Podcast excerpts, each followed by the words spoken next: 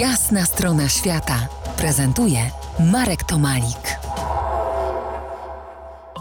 Po jasnej stronie świata Monika Lewicka, która propaguje podróżowanie etyczne i empatyczne. Pracuje dla Transformational Travel Council.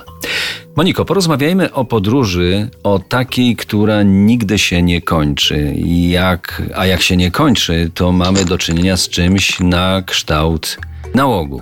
Ty przejechałaś rowerem Kubę, Wietnam, Laos, trochę Chin, stopem dwa miesiące w Meksyku, kolejne pół roku także stopem przez Amerykę Środkową oraz motorem i stopem przez połowę Ameryki Południowej. Jak dochodzi do zarażenia podróżą? Zarażenie to też taki temat, prawda? Bardzo, bardzo nam obecny w obecnych czasach. Tak się, tak też sobie się uśmiechnęłam do siebie. Rozumiem, to było zaplanowane. Intencjonalne to było z twojej strony, Marku. Świetnie.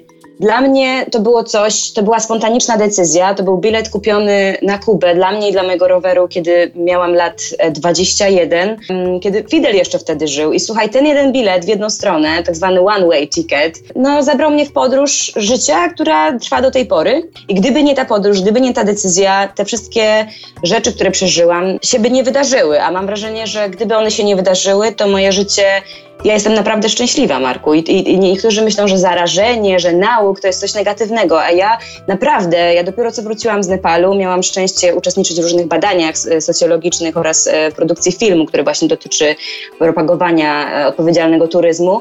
I słuchaj, ja, ja już nie mogę wytrzymać, mimo tego, że dopiero co przeszłam COVID, ja, ja już nie mogę się doczekać. Chcę wziąć rower, chcę jechać, e, chcę poznawać, chcę się łączyć z ludźmi, chcę ich słuchać, chcę przeżywać i potem inspirować, jeżeli będzie taka okazja. Nauk nie zawsze musi być zły. A to też można potraktować jako rutynę, słuchaj. Nauka to też jest rutyna. Rytuał. To brzmi dużo lepiej, prawda? Dużo lepiej. E, rytuały znowu stają się modne i, i, bardzo dobrze, że się tak dzieje.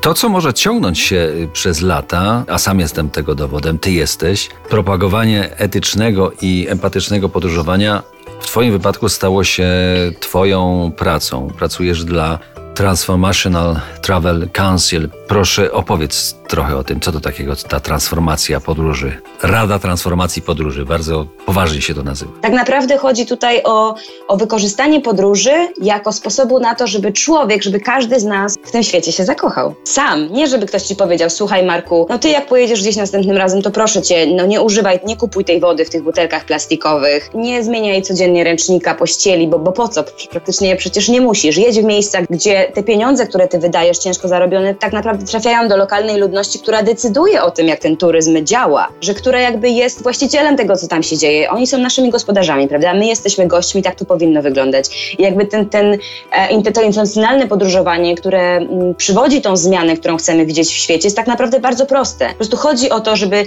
tak zaprogramować wycieczkę, czy taką, taką stworzyć wycieczkę, która po prostu pokaże nam, że ten świat może być lepszym miejscem przez to, że my będziemy w tym lepiej uczestniczyć. Jest nadzieja, to pozostaniemy jeszcze z Wami. Za kilkanaście minut spotkamy się z Moniką po raz kolejny.